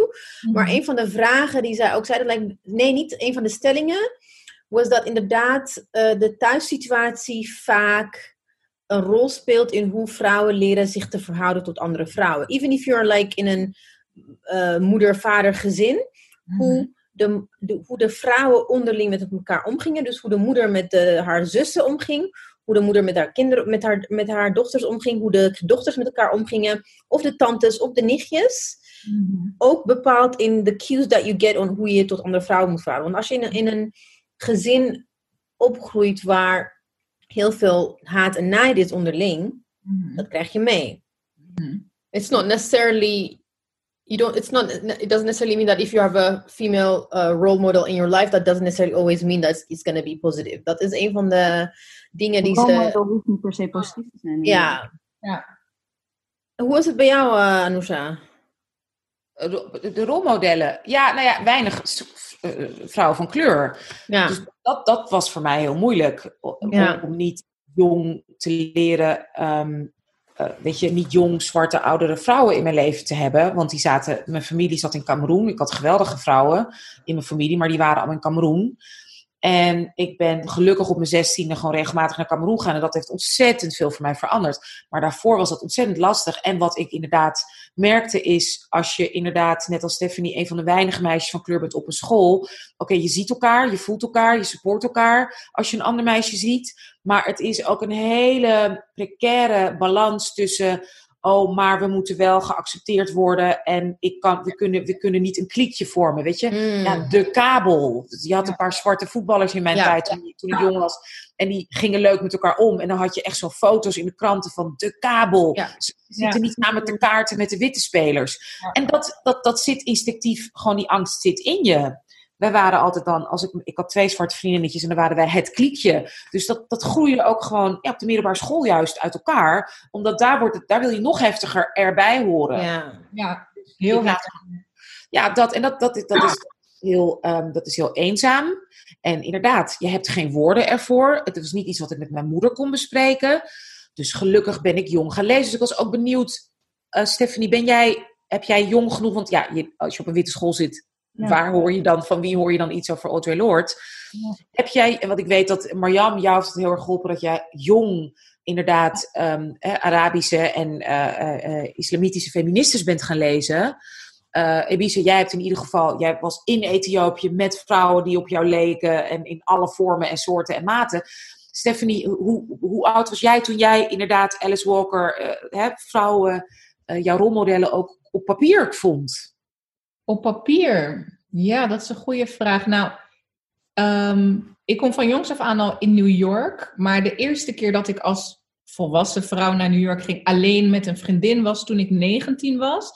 En nou ja, al die Brooklyn women, weet je wel, die gewoon zo erg uh, hun eigen identiteit onderzoeken en veel dichter bij die literatuur staan. Daar kwam ik toen mee in contact. Dus ik denk dat dat wel echt het punt was um, dat ik de boeken ging lezen. Maar ik moet ook zeggen, doordat ik dus zo uh, een loner was, omdat ik ja, in een hele witte wereld leefde, was ik vanaf het moment dat de inbelverbinding kwam, dat, dat we dat thuis kregen, was ik echt een internetgirl. En ik had ook contact met mensen in het buitenland. En ik luisterde heel veel naar hip-hop. Nou, die lyrics van vrouwelijke hip-hop artiesten, Bahamadia bijvoorbeeld, die geven je ook al heel veel. Um, ik was ook heel erg geïnteresseerd in antropologie en noem maar op. Dus ik keek al soort van op een andere manier naar de wereld. Maar echt de, de, de zwarte schrijvers, dat was misschien vanaf mijn twintigste ongeveer. Ja. En, nou ja, en ik denk dat dat zo ontzettend belangrijk is. Ik denk wat Marjam vertelde, dat jij jong in ieder geval kon, kon lezen. Omdat natuurlijk internet heel belangrijk, je kan dingen opzoeken. Maar wat ik zo louterend vind aan uh, iemand als Audre Lorde, iemand als uh, Bell Hooks, iemand als Alice Walker, is inderdaad de mooie taal ook, de schoonheid en het um, op papier zetten van pijn in een kunstvorm.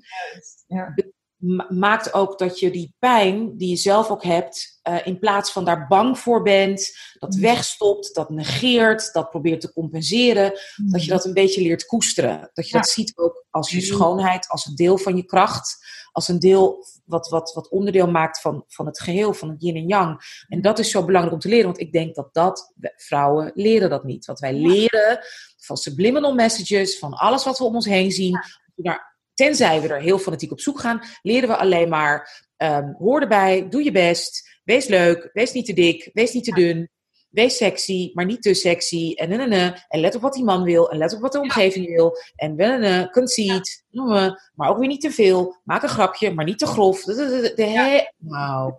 Maar er is een veel mooiere wereld die daar nog onder ligt. En dat merk ik dus ook eigenlijk nu pas, omdat ik ik kom niet bij die emoties. Dat is pas sinds geleidelijk, sinds de afgelopen drie, vier jaar is dat bij mij losgekomen. En ik merk ook nu dat ik vriendschappen heb met vrouwen waarin we zoveel ruimte hebben voor elkaar en waarin we zo eerlijk en oprecht met elkaar zijn. En ja, dat vind ik zo mooi en zo bijzonder, omdat dat gewoon de purest form of love is of zo, weet je wel? En dat, dat voedt mij ook, want dat, geeft mij elke dag weer, als ik bepaalde dingen voel en dat gewoon kan delen, het gevoel van dat mag er zijn, ik mag er zijn, die emoties mogen er zijn. En it's okay. Weet je ook, ik schreef ook in dat stuk van Vogue, we need love to heal. En dat is ook gewoon zo. Je kan niet helen als je ergens zelf niet bij kan en als andere mensen, als je, de, als je andere mensen daar ook niet tot toelaat. Weet je wel? Want het kan pas groeien als je als je het zo in je handen hebt en het helemaal bekijkt van alle kanten en dan ook gewoon los durft te laten. Weet je, zoals het is. Ja. Dus ja, wat jij zegt, uh, Anousha, ja, precies dat. Boeken geven je echt die woorden en die herkenning en die bevestiging eigenlijk. Geef je ook een taal? Dus geef je ook een gewoon vocabulaire? letterlijk ook een vocabulaire. The thing is, the, the thing is kijk, one of the things that, that uh, I wanted to discuss is that the, the fact that, kijk, we weten allemaal hoe het kan, hoe het moet. We lezen dezelfde boeken. We lezen verschillende soorten boeken, fiction, non-fiction. Maar toch in de praktijk we live in a society where, waar we ook inderdaad tegen elkaar uitgespeeld worden. En we gaan daarin mee, bedoeld of onbedoelde, ga je daarin mee. Je, zit in je emoties, you're upset or opportunity calls.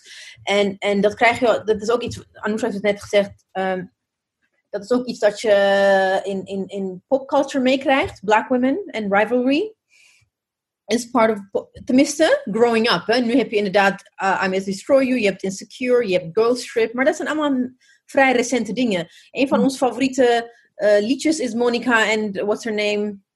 Weet ze? Brandy. Brandy en Monica. Mine. Ik bedoel, yeah. how does it make sense? Maar nog steeds, it's my jam. Maar weet je, dat is... Dat is jam, wat, maar de tekst vond ik altijd vreselijk. Ja, ik ook. The same met Destiny's Child. Alles, alles van Destiny's Child is best wel gewoon problematisch.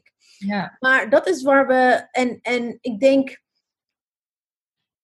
Het keer op keer blijkt toch in de praktijk... When push comes to shove... We veel op allerlei niveaus en manieren. En hoe kunnen we dat, die, die stap naar erkennen dat je inderdaad die emotie voelt, maar niet naar handelen? How do we. Kan je misschien met jezelf. Maar daarnaast ook, mogen wij dan als zwarte vrouw niet falen? I mean, Nee, not saying veel, maar meer van eh, dat we niet gevangen zitten in dat, in dat eh, krabbenmand. Dat, dat, dat comp- competitive van het nee, ik kapitalisme. Laten we een, een concreet voorbeeld noemen. Want Ja. ehm, als ik denk aan, aan Stephanie, hè, ik, ik zag jou, ik support jou altijd, in ieder geval online, weet je, retweet als je iets te gaafs tweet of iets over, ehm, over DWDD, terwijl ik daar zelf ook persoonlijk, maar ook gewoon maatschappelijk een problematische relatie, een band mee heb. Ehm, maar ik weet nog toen we elkaar voor het eerst, naar mijn mening, soort van echt ontmoeten en spraken, voelde ik bij mezelf reserve, maar ook van jou. Hm. En, dat is niet, dat was niet, dat, en ik wil niet zeggen dat dat is dat we elkaar wantrouwden, maar er was wel, er is een voorzichtigheid. En toen later ook zijn we bij, eh, in, bij de, hoe heet het nou, die kerk op de, op de, op de Keizersgracht, mhm. eh, deed jij een talkshow samen met Andrew Makkinga. Skin deep. Ja, precies. En toen kwam jij ook naar, naar ons toe en naar mij, in ieder geval volgens mij naar mij en Biesje toe. En ook heel voorzichtig. Ja. Ik weet nog ja, vonden jullie het wat? Ook dat ik bijna zoiets wat is dat nou toch bij ons allemaal? Een voorzichtigheid, een soort, oh, weet je, ze, ze Ik, zullen... ik weet waar het aan ligt. ik, voor, ik, ik heb wel mijn persoonlijke antwoord. En dat is omdat ik. eh, ja, ik heb ook gewoon angsten of zo. Want dan, ik kijk naar jullie als intellectuele zwarte vrouwen. Wow. Zag ik mezelf zeg maar niet zo. Want dan ben ik gewoon bang voor judgment of zo. Dus dat is helemaal niet persoonlijk. Maar dan dat. wil ik. Ja. Goed. Ga daar eens op door. Vertel eens verder. Wat, Ja. wat, wat, ga- neem ons mee naar wat je dan denkt en voelt waar je zeg maar Ja, dus dat ik dan dat ik een bepaald soort gedachtegoed moet hebben, of een bepaalde attitude, of een bepaalde houding, om dan door bepaalde eh, vrouwen geaccepteerd te moeten worden. Terwijl nu ben ik daar vanaf hoor. Nu denk ik van nee, ik sta echt in mijn eigen verhaal en hoe ik dingen zie. Maar toen had ik dat wel heel erg, Mm. weet je wel. Dat had ik ook bijvoorbeeld bij Saada. Weet je, ehm, ik, ik, En waar kwam dat dan vandaan? Want toen was je wel al, je was als een professional, je stond op het podium, je, was, je was model. En voor je de had, mensen me als professional. Maar ik denk de tijd, ik ben gewoon Stef uit Zoetermeer. Oh my god. en, je had, en je had ook, wat ik interessant vind, de boeken gelezen. Dus wat was het dan toch nog steeds, waardoor, hè, en dus het verschil met toen en nu, waardoor, wat, wat is er Ja. gebeurd dat nu we- niet meer, dat je nu wel in je eigen licht en in je verhaal staat. Ja. En dus ook ons, quote-unquote, durft te benaderen, natuurlijk onzin. Ja. En wat Ja. was het toen? Want toen was je ook... Wat ja, is toen zag ik het niet hoor. Toen was Nee, ik waarom niet? onzeker. Het is gewoon onzekerheid eigenlijk. Dat en ook ehm, ja, voor mijn eigen gevoel dan niet genoeg ervaring of zo. Kijk, je kan wel dingen lezen, maar als je het niet echt ja, leeft of wat ik ook zeg, als ik nu bepaalde boeken opnieuw lees, is het heel anders dan toen. Je leest het en je, je ja, niet herkent het. Niet eens je herkent het, maar je denkt van, ja, dit is de theorie. Maar als je dat zelf helemaal nog niet zo ervaart of kan plaatsen in de wereld of zo, dan is het niet je eigen of zo. Dus volgens mij was daar gewoon bij mij ergens een disconnect. Dat ik nog niet, ik was daar gewoon nog niet. Hm.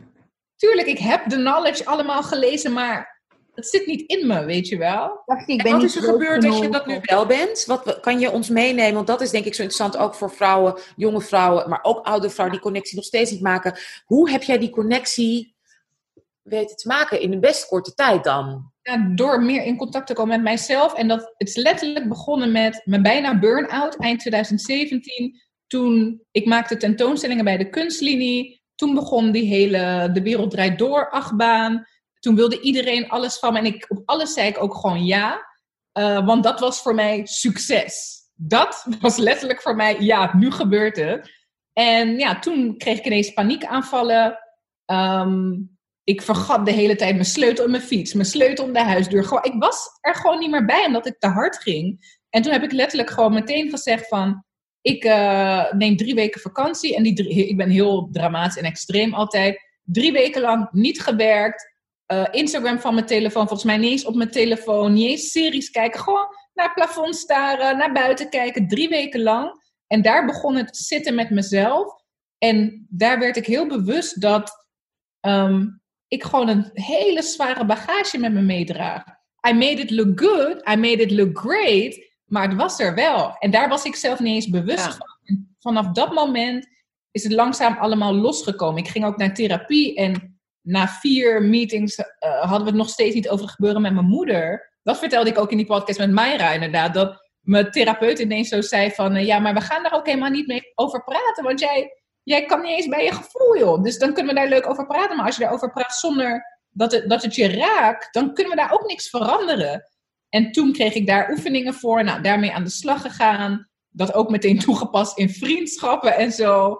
En met vallen en opstaan is dat over de afgelopen drie jaar eh, veel losser gekomen. En ook weer ge- situaties met mijn moeder die ook weer hebben plaatsgevonden, waardoor het allemaal heel snel ging ineens. Ehm, ja, it all boils, boils down to, ik ben meer present in mijn lichaam en in mijn emoties. En ik kijk nu uit, ehm, vanuit hoe kan ik ehm, ja, mezelf, me door het leven bewegen op een manier die mijzelf dient. In plaats van die andere mensen moeten dienen. Want anders zou ik misschien uitvinden wat jullie willen horen. Zou ik dat gaan verkondigen bij wijze, weet je wel? Terwijl nu is het gewoon, nou man, this is my life, my experiences. Dit is hoe ik het zie. Take it. En zo niet, dan, dan werkt het niet, weet je wel? In alles, alle aspecten, met werk, romantische relaties, vriendschap, alles is het nu gewoon zo. En dat is echt, ehm, ik heb die journey nu ehm, op mijn 32ste. Sommige mensen hebben het pas als ze 50 zijn, sommige mensen hebben het al van jongs af aan. Maar ik kan iedereen het aanraden, sit with yourself. En dan zeg ik niet per se mediteer of zo. Misschien werkt dat voor jou, maar gewoon eh, omarm, omarm de dingen die, die in jou, eh, ja, hoe noem je dat? Die jij gewoon met jou meedraagt, zeg maar. Probeer het niet weg te stoppen. Eh, voor mij is succes nu echt gewoon feeling good with myself. Ja, Wauw. En wat je dan ook weer openstelt naar anderen. Hè? Het begint echt. Ja. ja. ja, ja. Mooi. En ik, ik- ja, en ik denk dat dat is wat jij zegt. 9 van de 10 keer heeft het te maken inderdaad in waar en wie je zelf bent in je leven en hoe het met jou gaat. Ja. En dat is denk ik wat we elkaar en andere vrouwen van kleur eh, moeten gunnen. Juist. Ja, Snappen dat, oké, deze vrouw, dit persoon, dit mens zit in deze fase. Ja. En it's oké. Dat zegt, dat, dat straalt niks af op mij. Dat is bij die persoon. Ik ben er. ja. dat misschien elkaar meer laten weten van hey, I'm there. En ehm, als de tijd er, er is en dan komen we, kunnen we het erover hebben in veiligheid als je wil. Ehm, en het niet persoonlijk opvatten als dat gebeurt al- Ja. bij de en de angst. dat, ja. En er is genoeg, qua werk is er echt genoeg. Ja. dat is echt dat niet. Ik denk dat dat, dat, dat, ik denk dat dat ook in, in terms of like no- non-personal relationship, ik denk dat we heel vaak denken dat het gewoon niet genoeg is. Dat je, als je kansen niet aanpakt, dat, het dan, dat je dan forever eh, niet, you know? Ja, Maar dat je nooit meer werk krijgt. Ja, maar ik weet niet, ik bedoel, ik, ik, heb, ik, heb, ik ben juist voorzichtig, ik ben juist voorzichtig, bij mij is het, die omgang is bij mij anders. Ik ben voorzichtiger geworden. Ik was veel meer open en iedereen, everybody's my friend, maar ik heb door juist, door heel veel vallen en opstaan, heb ik juist, ook door jullie, Anousha en Mariam, die zeggen van, dat ik gewoon leer ook grenzen te stellen. Ja, maar dat moet ik ook doen hoor. Want ik geef inderdaad heel veel. Maar dat krijg je gewoon niet altijd terug. En dan ben ik dan weer teleurgesteld of boos of whatever. En ik vind het een hele mooie eigenschap van mezelf. Maar ik wil mezelf ook nu leren dat iemand moet zichzelf wel... Ja, bewijzen vind ik ook weer zo lelijk klinken. Maar you, you, somebody has to show effort, weet je wel. Ja. um, that that person is worthy of my time or energy or love of whatever. Ho alhoewel ik wel wil zeggen dat ik in de basis wel vind dat ik eigenlijk van iedereen moet kunnen houden. En dan niet per se, maar gewoon een Ja. human to human houden van, weet je wel? Ja, maar houden van en alles weggeven zijn natuurlijk twee verschillende dingen. Je kan, toch, je kan heel erg van iemand houden en absoluut er voor iemand zijn. En daarnaast ook gewoon je grenzen op een hele respectvolle, liefdevolle manier eh, aangeven. Omdat ja, er is maar één jij en inderdaad is maar één, jou, jou, dit leven heb je maar één Ja. keer. Hoe Ja. Jada Pinkett dat zei, you can love him from over there. over there. Wel. We gaan nu over naar een andere vaste rubriek. eh, Ja. die we ook echt heel lang hebben verwaarloosd. We hebben zoveel dingen bij Dipsaus verwaarloosd, maar we waren wel Ja. mooie, andere mooie dingen bezig. Eh, dat zijn de Eh, DDD's. We gaan naar de DDD's. We gaan naar de DDD's. Maar even uitleggen. Ja, het is eigenlijk onze manier om echt precies zoals dit een mooi, diepgaand, openhartig gesprek op toch wel een, een, een, ja, een grappige noot of gewoon een beetje prikkelend te eindigen. De DDD's zijn, Stephanie, je moet kiezen tussen wat je gaat doen met wie. Dus ga, met wie ga je drinken, met wie ga je dansen en met wie ga je dipsausen. En dipsaus is de sisterhood die wij al, al ruim vier jaar hebben. En dat je de, de app waar je in zit altijd boven staat. Ehm, um, voice notes, tips, tassen. He- heel veel tassen. Tassen. No comment! Heel veel tassen. Heel veel tassen. Ehm, maar ook, ja, daar is er nog eentje. Ook nieuw. Maar ook eh, BH-maten. Anyways, je deelt daar alles. Je gaat ook klagen over je partner. Ik, eh, of je mag na twee maanden dat je dezelfde man hebt gedate, mag je eindelijk aan Anousha vertellen, want anders houdt het allemaal niet bij. Dat, Dat is mijn grens. Ja. dat is me echt, ja, want- ja. Want anders eh, is het gewoon veel. Dus, je moet kiezen. Ik niet meer bij. Je moet kiezen tussen Janelle Monet, Mhm. Fashion, onze, of onze eigen Selma Omari. Selma, Kim K of en Janelle? Ja. Oké, ik ga sowieso met Janelle ga ik dipsausen. Oeh, ja. Maar ze kan ook wel heel goed dansen. Mariam gaat andere dingen doen. Ja, maar weet je, als ik moet gaan dipsausen, dan wil ik... Nee, ik moet wel substance. En ik zeg niet dat die andere vrouw dat niet kan. Van wat ik meekrijg, je weet toch? Ehm, Kim, danst Kim K. Wauw. Nou, ik zou eigenlijk Selma. drinken met Kim K. Een beetje zo mooi zitten, zo met een nice outfit. Zo. Ja. Mm, ja. En dan dansen met Selma. Ja, is ook een beetje zo. Ja. Die, die doet TikTok dansen. Oh ja. Ja, ze kan best wel. alleen maar dit. Nee, volgens mij kan dat wel heel leuk zijn met Selma. Ja. En ze, ja, ze kan ook echt zo meerappen met liedjes en zingen. En ze, nee, met Selma En ze komt uit Rotterdam, hè? Ja, ze woonde. Ik weet niet of ze nog steeds achter me woont, maar ze woont echt zo 100 meter van mij. Eh, nou, ik weet dus tieners, die hebben alle roddels daarover. En blijkbaar zit ze nog steeds in het flatje sinds het uit is gegaan met Boef of zo. In welk flatje? Oh, waar ze, waar ze vroeger woonde. Maar ze wilde heel groot wonen, maar ze zit nog steeds in een... eh, Ik weet niet, tieners vertellen mij dit, hè? Oh, ik heb een keer naar de vlog gekeken en ik dacht dat ze ging verhuizen. Dus ehm, Ja, dat- dat, dat zag ik ook. Zelfs ik Ja, maar- weet dat. Maar je moet de TikTok-comments van al die tieners, het is grappig. Maar ze zingt nu ook en ik ben gewoon fan van haar. Omdat ik denk zo van, ja, hoe vaak, hoe vaak hebben we nou een Marokkaanse Nederlandse meid ja. who owns her shit? En Ja. gewoon een mini eh, die gewoon denkt zo van, nee, nou, ik wil gewoon heel veel autotune. Want volgens mij weet ze ook dat ze niet goed ja. Hallo, dat is gewoon op I wish, her, Ja. All the succes. Ze is eh, volgens mij gewoon een goede businessvrouw. Ja. Weet je dat Frisco een van haar nummers heeft geschreven? Of mee heeft geschreven? Welke? Die Spaanse. Maar ik vond er, eh, wanneer was het? Er was toch dat ene, eh there was this documentary about Muslim, Muslim Dutch people, waar Ja, ze echt heel erg leuk daarin. So there's, there's a lot more in her dan alleen maar haar Instagram personality. En Waarin zij de legendarische woorden zei... Je kan wel een shisha klaarmaken, maar je hebt geen tijd om te bidden. Ja, Ja, daarom. Ze is echt, ze is heel, dus ik, ik zou eigenlijk, ik vind haar, ik zou meer van dat part of Selma, zou ik gewoon meer van willen zien en horen. I stand anything she does. We stand her. Oké.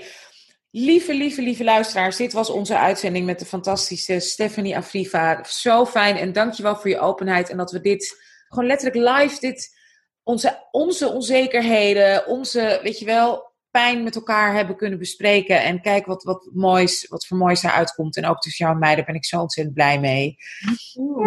Dankjewel dat je hier was. jullie mij hebben uitgenodigd. Dat jullie mij zo dragen. Dat vind ik echt. eh, ik voel me letterlijk zo geliefd door jullie.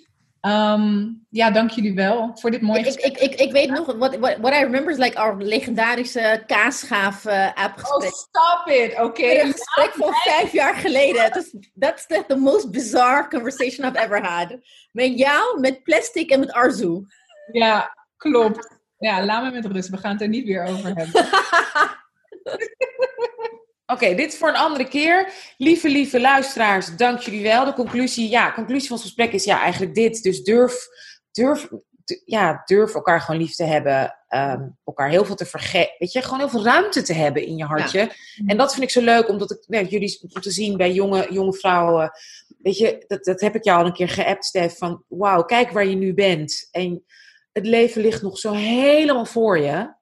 Maar dat wil ik ook zeggen tegen vrouwen van mijn leeftijd. Want wij leren, we krijgen ingehamerd dat het allemaal afgelopen is. Mm. Als je zo oud bent of zo oud bent. En dat is gewoon bullshit. Ik durf je echt te zeggen, op mijn vijftigste, ook mijn leven ligt nog helemaal voor me. Dus Ja. allemaal. Tijd. echt zeggen. Absoluut, we hebben alle tijd, Jezus. Dus ehm, dat is onze conclusie, denk ik, als ik mag zeggen namens mijn dip. Blijven groeien. We blijven allemaal groeien en bloeien. En eh volg de mooie bloemen, bloemen daarover ook van EBC op eh, Twitter. Ja, prachtige bloemenposts. Over bloemen gesproken. Ehm, ik wil heel erg graag Dag en Nacht Media bedanken voor jullie support. Natuurlijk Revue die onze geweldige nieuwsbrief facilite- faciliteert. Laat alsjeblieft recensies achter. Wij zijn onafhankelijke podcastmakers. Dus jullie recensies zijn ontzettend belangrijk voor ons. Eh, abonneer je ook op www.vriendvandeshow.nl. Sowieso om onze supporten. We hebben abonnees nodig. Maar je kan ons ook financieel supporten. En geen bedrag is te klein. Eh, alsjeblieft, koop de boeken. Hè. We hebben natuurlijk het geweldige ehm, De Goede Immigrant is uit. Er komen meer boeken. Eh, ja, je kan ook nog steeds mijn boek kopen natuurlijk. Hallo Witte Mensen. Lekker instapboek ook om weg te geven. En ja, bestel alvast Sister Outsider. Dus de Nederlandse vertaling. Wat wordt, gaan we de titel ook vertalen? Nee hè? Nee, hell no. We gaan niet de tekst Nee, nee, nee. het is gewoon lekker dipsaus English, sister outsider. maar wel de Nederlandse vertaling. En we krijgen natuurlijk ook ons derde boek komt alweer uit. Afro-lid, moderne literatuur uit de Afrikaanse diaspora. Dat wordt samengesteld door onze geweldige Ibiza Rauw en Dalila Hermans. Dus check voor al onze geweldige boeken op uitgeverijpluim.nl slash boeken. En natuurlijk ook lees het geweldige interview van Hella die op dipsaus.org. Dankjewel lieve luisteraars en bye! Bye. Goodbye.